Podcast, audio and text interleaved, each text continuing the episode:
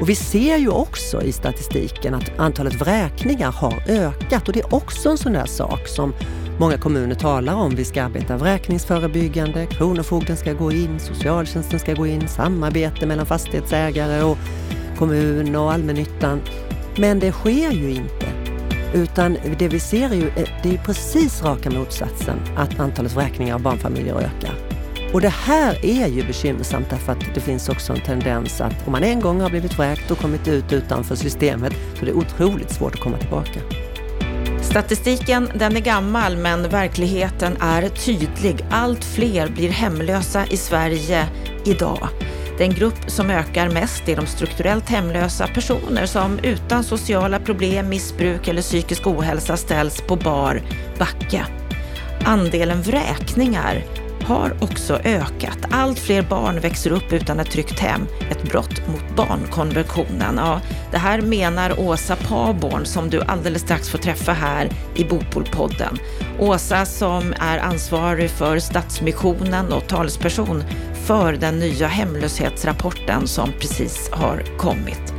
Kan det vara så att det är flera hundratusen som saknar en bostad i Sverige idag? Och vad ska vi göra åt det? Efter samtalet med Åsa så får vi en kommentar av Kent Persson. Varmt välkommen till Bopolpodden. Jag heter Anna Bellman.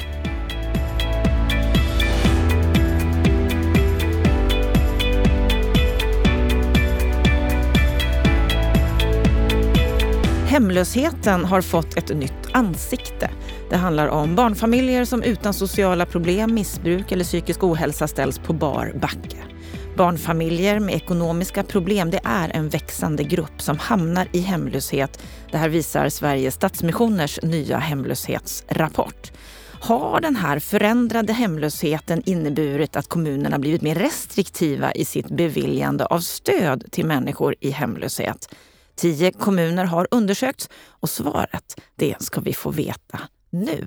Varmt välkommen till Bopolpodden, Åsa Paborn. Tack. Vad är din sinnesstämning idag?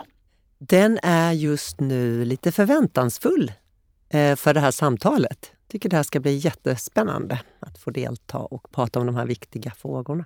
Ja, det är viktiga frågor som får mer och mer uppmärksamhet. Känns det som? Får de det?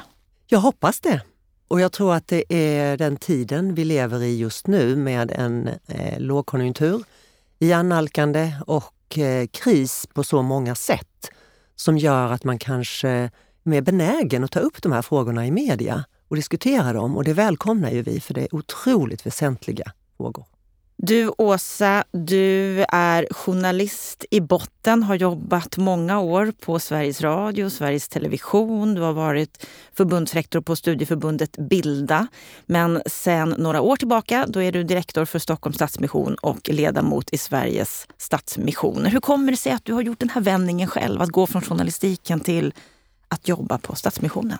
Ja, för mig var, var inte steget så långt. Eh, för innan jag gick över till idéburen sektor så, så hade jag arbetat både då i näringslivet eh, som programdirektör eh, i kommersiell media men också på Utbildningsradion. Det var egentligen från Utbildningsradion då jag kom närmast när jag gick över till studieförbundet Bilda. Och för mig har det alltid varit en stark drivkraft att vilja, det låter otroligt pretentiöst och det kan det få vara, att förändra samhället och blottlägga orättvisor och synliggöra skeenden och skapa inspiration för människor också.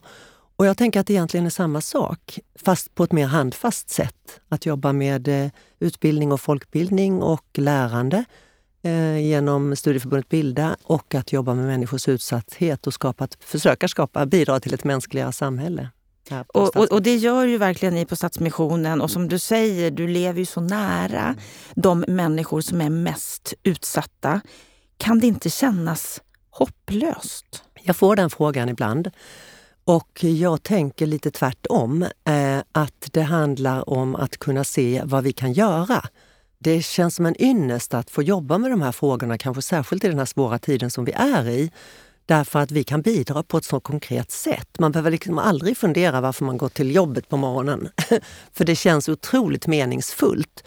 Och man ser, jag ser ju också och får höra av medarbetare varje dag vad det betyder, det arbetet som vi gör. Och det behöver inte alltid vara de stora sakerna, de här systemförändringarna, utan det kan vara en elev som kommer in på folkhögskolan och plötsligt öppnar sig världen. Eller en person som får tak över huvudet, eller ett mål mat, eller en blick eller en klapp på axeln. Vi kan alla göra någonting och när man arbetar i Stadsmissionen så får man också se effekten av det. Och det är fantastiskt.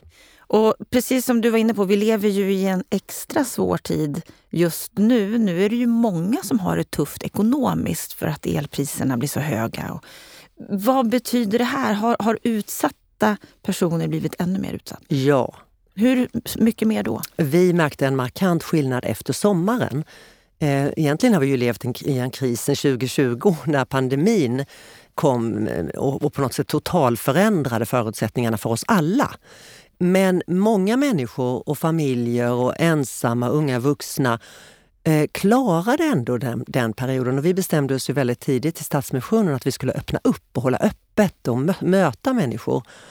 Eh, och också den eh, sociala isolering som pandemin förde med sig.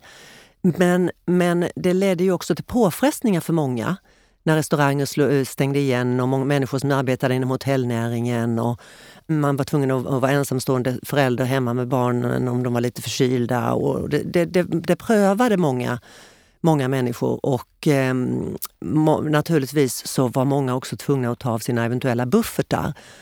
Och nu när kriget i Ukraina, då var det som att ja, man klarade det under våren. Men efter sommaren så märkte vi en markant ökning av familjer och eh, nya deltagare och medlemmar i Matmissionen som stod på kö. För då var, då var liksom eh, buffertarna slut och då var krisen akut.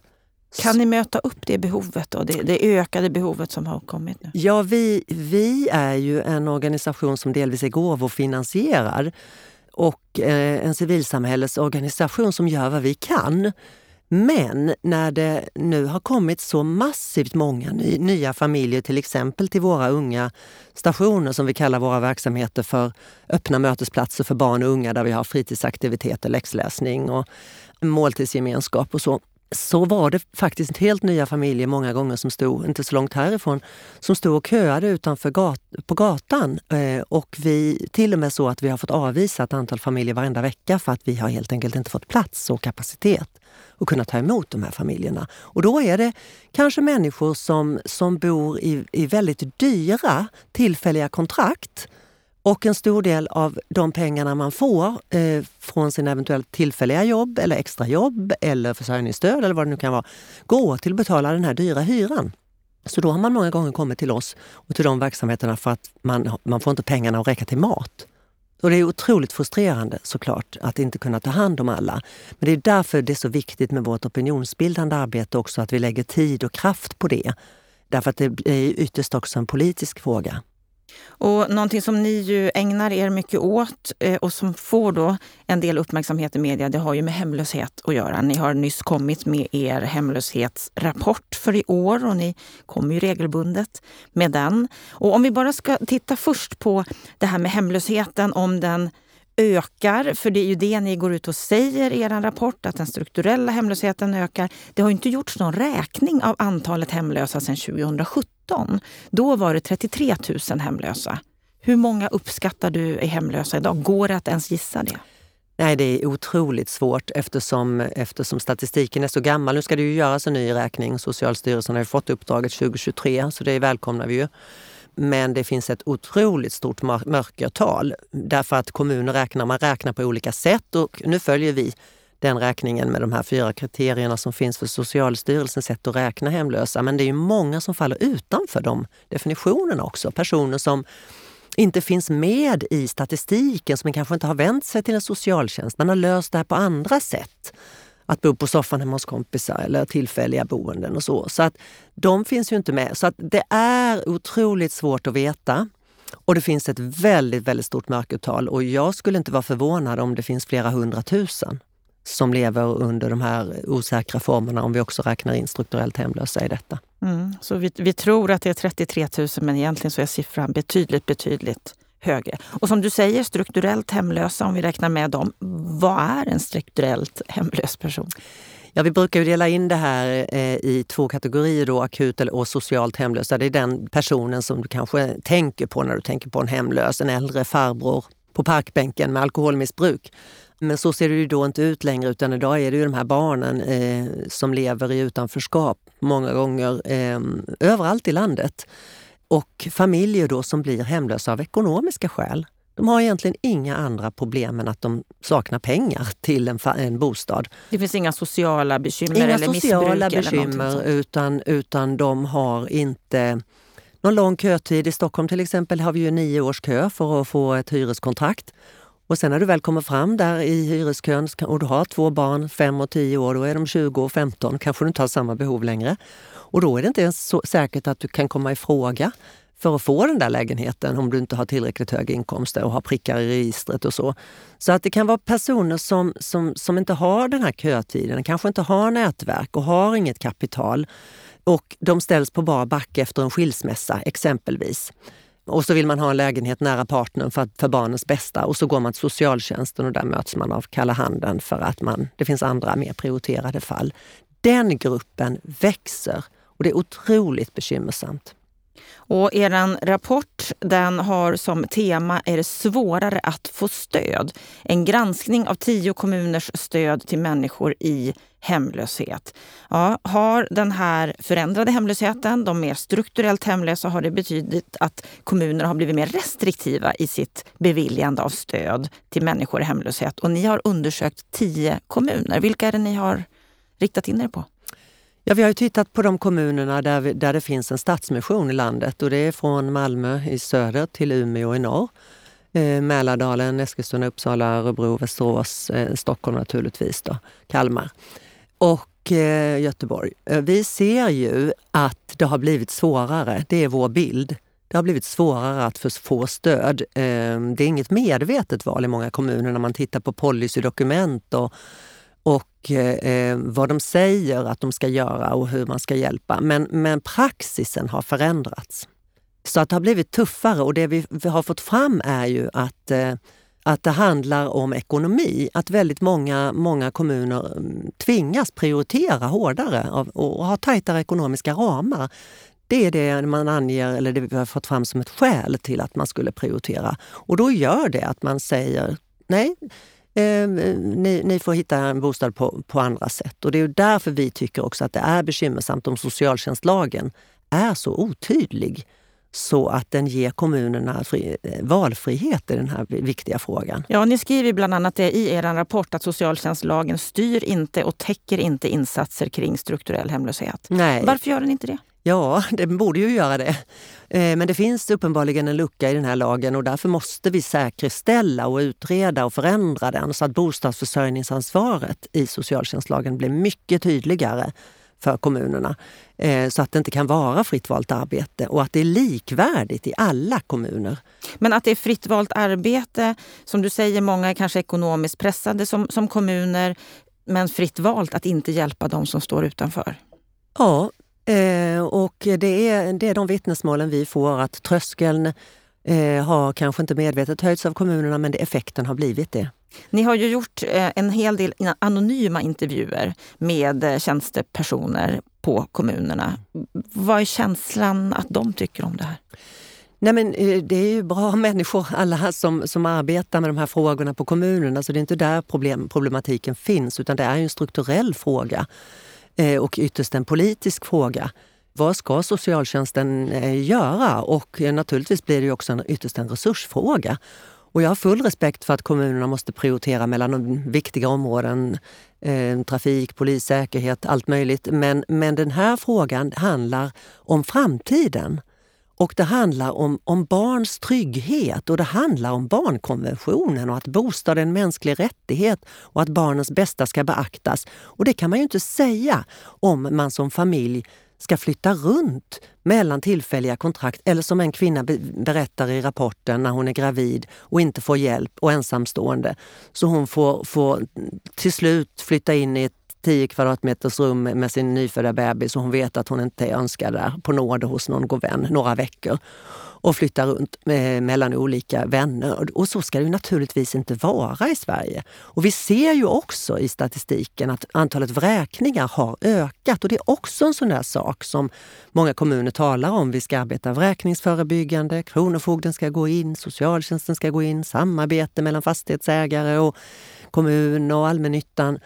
Men det sker ju inte. Utan det vi ser är ju, eh, det är precis raka motsatsen, att antalet vräkningar av barnfamiljer ökar. Och det här är ju bekymmersamt därför att det finns också en tendens att om man en gång har blivit vräkt och kommit ut utanför systemet så det är otroligt svårt att komma tillbaka. Och om, om vi ska titta på det, hur många vräks idag? Eh, ja, antalet vräkningar har vi ju sett nu eh, i statistiken att det har ju ökat. Jag tror, jag tror det finns en siffra om att vi inte har sett så många vräkningar av barnfamiljer sedan 2012, alltså över tio år. Och att det har ökat med 45 procent bara på fyra år just av barnfamiljer mellan 2017 och 2021. Och då förstår man ju, och det krävs inte så mycket för att bli vräkt. Och särskilt i dessa tider är jag otroligt orolig vad betyder detta när Vilka man ska betala el? Vräkta? Ja, det är ju barnfamiljer som kan ligga efter. Om man, om man är ensamstående mamma till exempel med flera barn Eh, som, och så ligger man efter med en mobiltelefonräkning. Det krävs inte så mycket.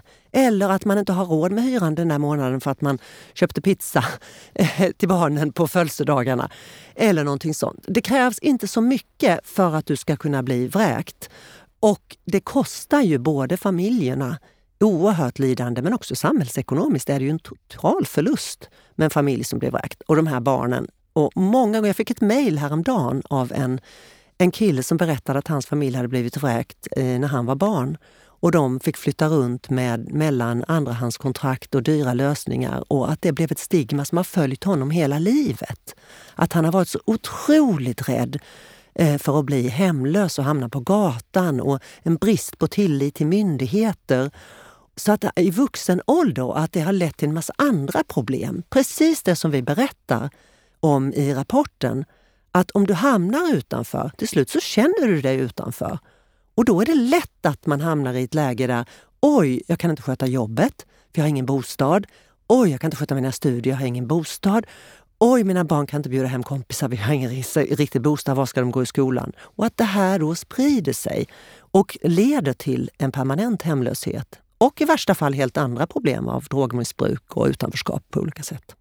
Så barn som blir vräkta ökar i antal väldigt mycket och det får samhällsekonomiska konsekvenser. Verkligen. Precis så är det. Och Det man också ser när man läser er rapport är att det skiljer sig genom landet. Hur, hur vräkningarna ser ut. Det är flest drabbade barn i Skåne. Där eh, drabbades drygt 100 barn av vräkningar 2021 enligt er rapport. I Västra Götaland var det hälften så många. Ja, och vi ser ju också i, om vi tittar på annan statistik som vi brukar göra när vi, när vi arbetar med Matmissionen butiker där människor kan handla mat till 70% lägre priser genom avtal som vi har med livsmedelsbranschen, att medlemsantalet eh, har ju ökat radikalt och vi ser att Skåne och Malmö, när vi räknar på relativ fattigdom, de som har en inkomst under 11 100 någonting eh, per månad som kan bli medlemmar i Matmissionen, de, de ökar ju i antal och just Malmö går ju taket i all den statistiken. Eh, så det är inte förvånande att det gäller även vräkningarna, men det är otroligt eh, illavarslande. Finns det några kommuner som, som ni ser som goda exempel, som, som jobbar bra med de här frågorna? Det finns både kommuner och det finns eh, eh, fastighetsägare och det finns allmännytta eh, lite varstans eh, som, som så att säga arbetar förebyggande. Och det finns naturligtvis exempel där man, där man verkligen tar hjälp, också tar hjälp av Stadsmissionen eller Svenska kyrkan eller andra innan en vräkning är tänkt. Att man gör precis på det här sättet, att man samverkar. Och ibland kanske man också behöver samverka med skola, med socialtjänst och med andra. Men att man också gör, gör allt vad man kan för att den här familjen ska kunna bo kvar. Och tyvärr så är det allt för lätt att vräka någon idag. Så man behöver också titta på alla de här förebyggande åtgärderna. Det finns positiva exempel men de är alldeles för få. Jag tänkte på en sak som en av våra tidigare poddgäster sa. För tre veckor sedan så besökte Martin Lindvall podden och han, han var inne på det här med, med en, en, social bostadspolitik, hur den ska bli bättre. Och han pratade också om det här med hemlöshet och att det pågår ett definitionskrig. Det gör att man kan kategorisera fler som strukturellt hemlösa. Om man gör det, då slipper kommunen gripa in.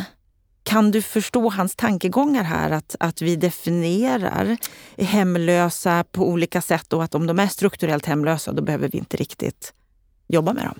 Jag tror inte att det finns någon som jobbar med socialtjänsten som medvetet skulle säga att man arbetar på det sättet. Då tror jag inte man tar den typen av jobb.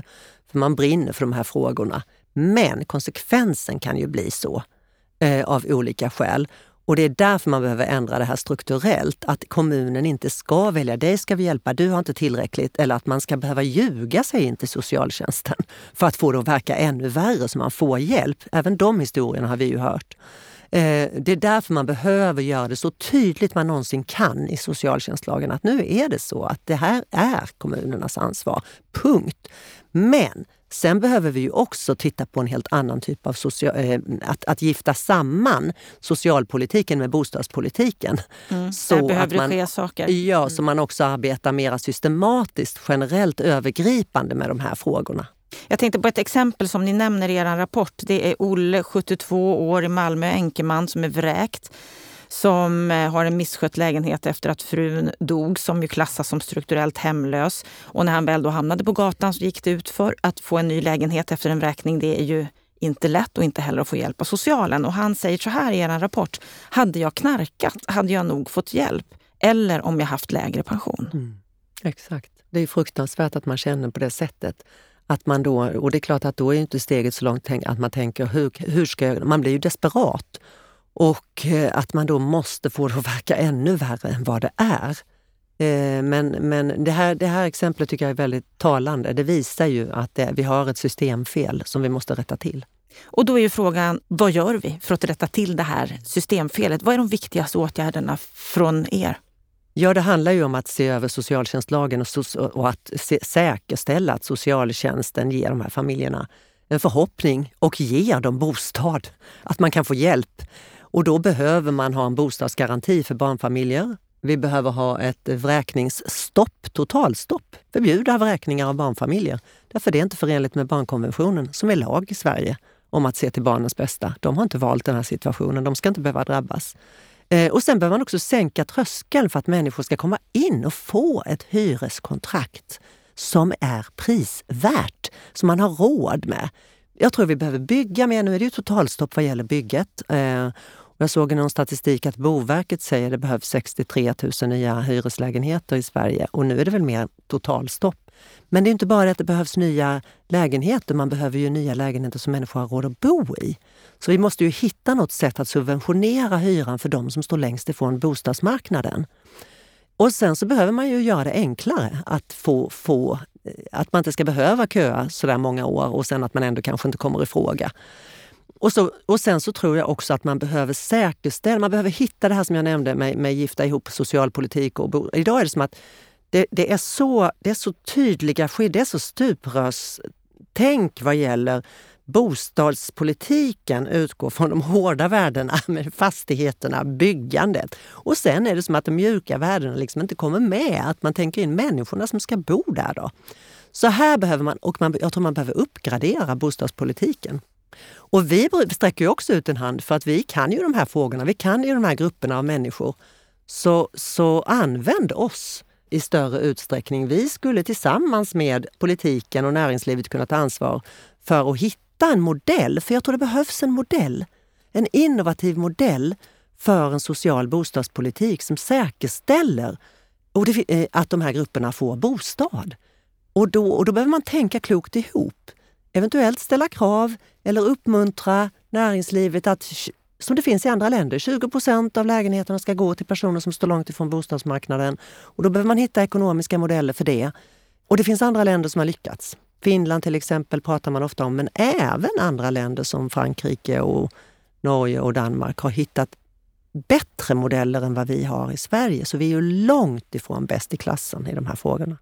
Blir ni inbjudna till samtal om det här eller till samarbete i de här frågorna ifrån, ifrån branschen, ifrån politiken?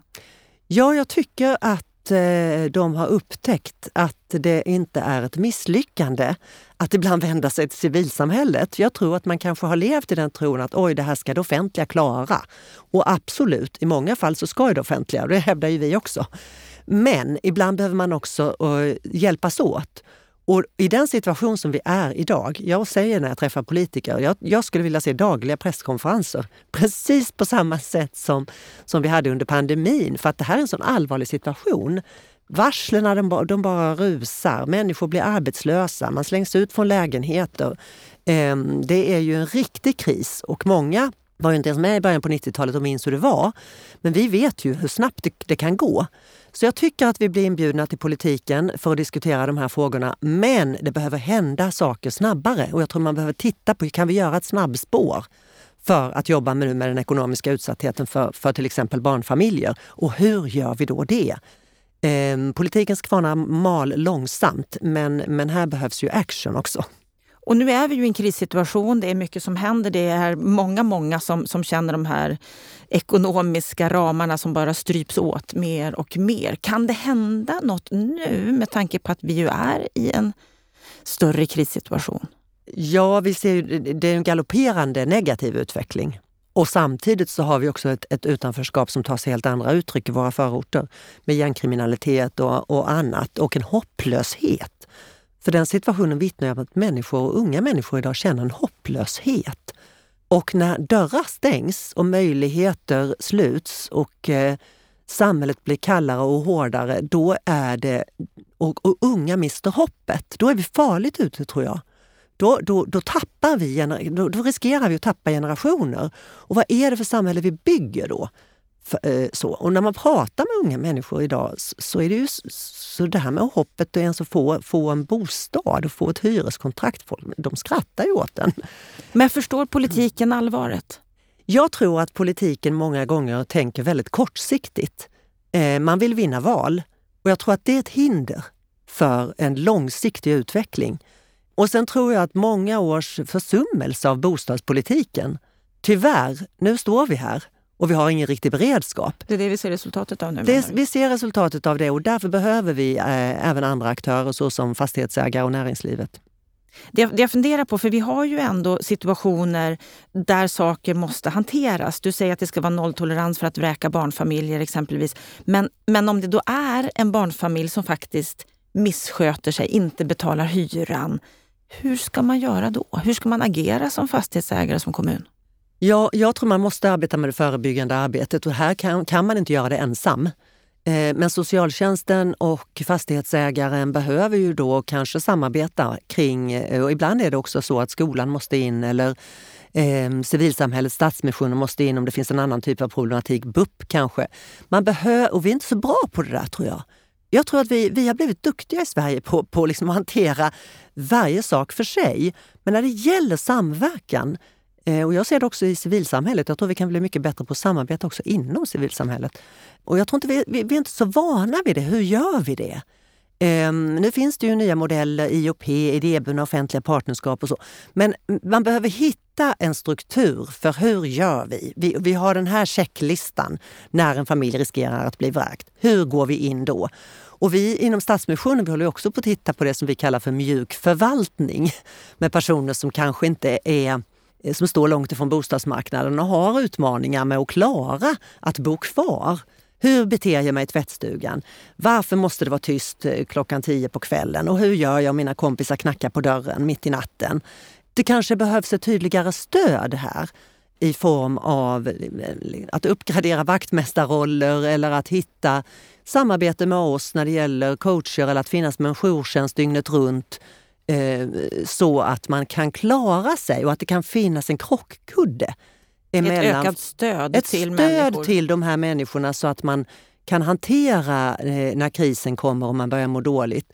Så att man inte behöver hamna från noll till på gatan utan att det kan finnas en rad aktiviteter som kan ske för att man hjälper de här personerna. Men vem är ansvarig? Vem borde ta initiativet till det här ökade samarbetet? Jag tycker det är en politisk fråga att, att säkerställa det här och vi tycker ju att man bör ge både Socialstyrelsen och Kronofogden ett utökat ansvar för att titta på vräkningsförebyggande åtgärder.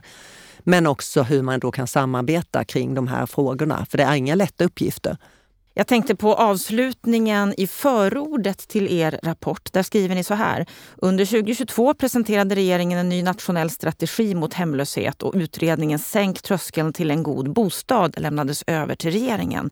Båda dessa initiativ är steg i rätt riktning och vi på Stadsmissionen välkomnar dem. Men det går för långsamt. Om inte fler människor ska sakna en bostad framöver och kanske till och med riskera att behöva sova utomhus så behöver takten höjas. Vi vet att hemlösheten går att utrota, men det kräver att den politiska viljan finns. Finns den politiska viljan? Det får du fråga politikerna om, kanske nästa, nästa bopolitiska podd. Men låt vi oss upplever hoppas, inte det. Låt oss hoppas att den finns. Jag tror att viljan finns, men frågan är om förmågan till genomförande finns. Det är där det sitter. Det är det. Och ni gör ett viktigt arbete. Många andra gör ett viktigt arbete. Vi får hoppas att den här samverkan, samarbetet som du efterlyser, kan stärkas. För det behövs i den tid som är nu. Hemlösheten ökar. Absolut. Stort tack Åsa för att du besökte Bopolpodden. Tack själv.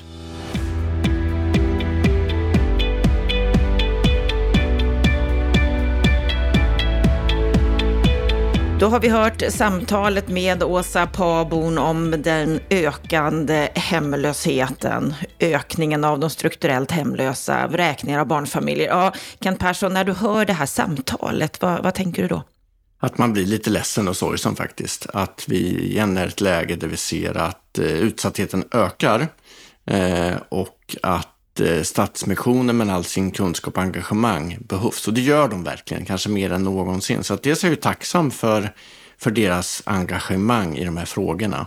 Men någonstans är det också så att i ett modernt välfärdssamhälle så borde vi kunna bättre. Och det som är extra bekymmersamt, som ju Åsa också belyser väldigt tydligt, är ju att det är allt fler barnfamiljer som ställs på bar backe. Vad betyder det? Ja, det betyder jättemycket för våra barn och unga som hamnar i en situation där de får växa upp i en otrolig otrygghet. Eh, och vi har ju också, som hon beskriver, en, en gråzon här där eh, ensamstående med sina barn flyttar runt hos sina bekanta eh, och därmed inte heller dyker upp Eh, på, på liksom statistiken eller på socialförvaltningen som är utsatta. Och det är klart att hur ska de här barnen kunna växa upp och dels göra eh, sin utbildning till godo, alltså kunna gå i skolan och fokusera på det. Och det andra är ju vilken oro det måste skapa i deras uppväxt. Så att eh, det här tycker jag att det här är ett stort samhällsproblem som måste tas på, på största allvar och insatser krävs nu. Alltså vi ser det här att det här börjar öka och det gör ju att det är fler, fler familjer som råkar illa ut och att det är fler barn och unga som förmodligen ser rätt mörkt på sin framtid. Det landar ju mycket hos kommunerna. Vi pratar mycket kring det, att kommuner tvingas prioritera hårdare, att det är fler som sätts på, eller ställs på bar backe. Vad tänker du om, om kommunernas ansvar här? Ja, att det är stort och förmodligen är ju risken att deras ansvar eh, och arbetsinsats och belastning kommer att öka. Vi vet ju sedan tidigare lågkonjunkturer att det blir de utsatta grupperna som får det ännu tuffare och då vet vi också att kommunerna inte riktigt mäktar med att göra allt det som de borde göra och det handlar ju om resurser. Så att kommunernas socialförvaltningar ska man inte skuldbelägga tycker jag, utan man behöver tyd ännu tydligare gemensamt flagga upp att eh, kommunerna, staten, politiken behöver ta ett större ansvar och faktiskt skjuta till mer resurser för att vi ska klara både det förebyggande arbetet, men också det uppsökande arbetet och i den sista delen ett eh, mer handfast arbete i att säkerställa att de får bo kvar i sina bostäder. Ja, här pratar hon ju om socialtjänstlagen, att den är väldigt otydlig, att den ger kommunerna en, en valfrihet som inte bidrar till att hantera den här situationen på bästa sätt. Vad säger du om det, att det är socialtjänstlagen som behöver skärpas?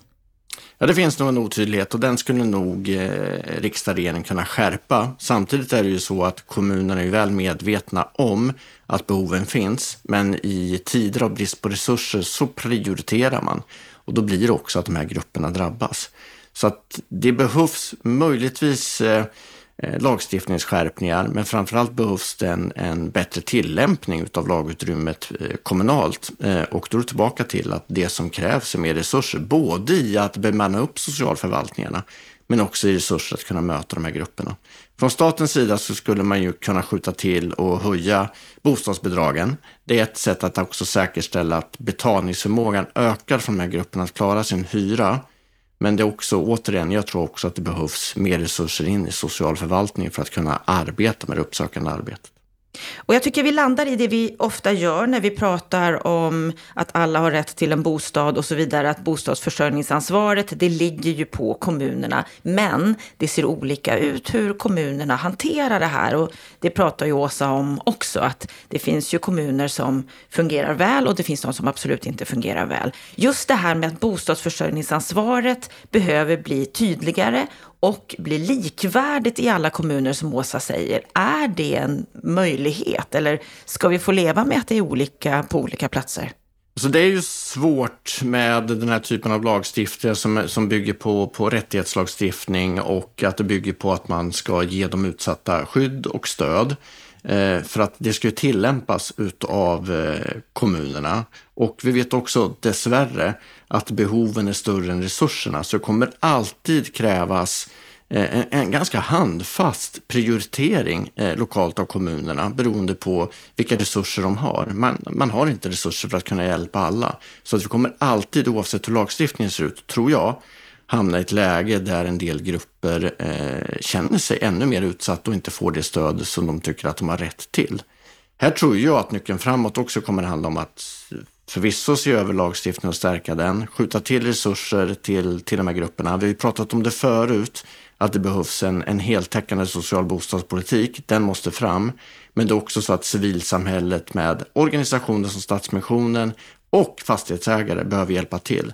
Vi måste samla ihop oss allihopa i samhället för att faktiskt eh, lösa den här situationen för, för de utsatta barnens skull. Och här har jag ju hört att ni på Heimstaden, du jobbar ju på Heimstaden, att ni jobbar för en nolltolerans mot vräkningar. Ja, det stämmer. Vi eh, började förra året, 2022, med en nollvision eh, mot vräkningar och vi har arbetat med det i fem stycken eh, pilotkommuner som vi nu håller på att utvärdera hur det har gått för att faktiskt också eh, kunna sätta in insatser från vår sida i att göra det ännu bättre. Sen kommer vi implementera detta i hela vår organisation. Eh, och skälet är ju att, att det är ingen lösning att vräka, vräka eh, boenden, hyresgäster, utan vi måste hjälpas åt från både samhället och från fastighetsägare att se till att hitta en lösning så de kan bo kvar. Och extra drabbade blir ju barnen och barnfamiljerna, så alltså där, där tycker jag också att man behöver prioritera dem ännu mer.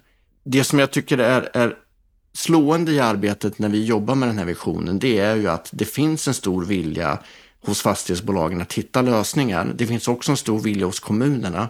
Men vi hamnar ibland i resursproblem och vi hamnar ibland i ett läge där vi vill att man ganska snabbt ska gå in med insatser. Ju tidigare desto bättre, för då krävs det ganska små insatser. Medan det ibland kommunerna vill vänta lite grann och då kan det tyvärr bli så att problemen blir så stora så att det inte finns några andra lösningar än att, än att de får lämna sitt boende och det är ju djupt olyckligt. Mm, så snabbare hantering och då är vi tillbaka i resursproblemen? Ja, tidigare insatser. Eh, det behövs. Det behövs skjutas till resurser och sen ser vi ju en tendens också i, i vårt arbete när vi tittar. Det är ju att eh, yngre eh, familjer och yngre människor råkar illa ut. Och det där måste man också fundera på tycker jag. Vilket stöd kan vi ge unga människor och unga familjer? Uh, unga människor när de flyttar hemifrån, unga familjer uh, när de träffar sin kärlek och bildar familj. Hur kan vi ge de unga stöd så att de inte råkar illa ut i sitt mm. boende? Den gruppen sticker faktiskt ut lite grann. Jag tänker på det som Åsa också berättar här, på tal om detta med unga, med barn, barnfamiljer som vräks, att Sverige faktiskt bidrar till brott mot barnkonventionen. Hur allvarligt är det? Det är allvarligt. Det är ju också en, en eh, rättighetslagstiftning som har införts eh, och i grund och botten tycker jag det är bra. Det är ett sätt att stärka eh, barnens framtid och deras rättigheter. Och det där gör ju också, tycker jag, att man igen måste se över vad är det vi kan göra. Men man ska också komma ihåg att det är ju så att, att när du bildar familj, unga människor som bildar familj, är ju ett läge i livet där det är ganska pressat. Eh, du har lägre inkomster för att du oftast i början av din arbetskarriär.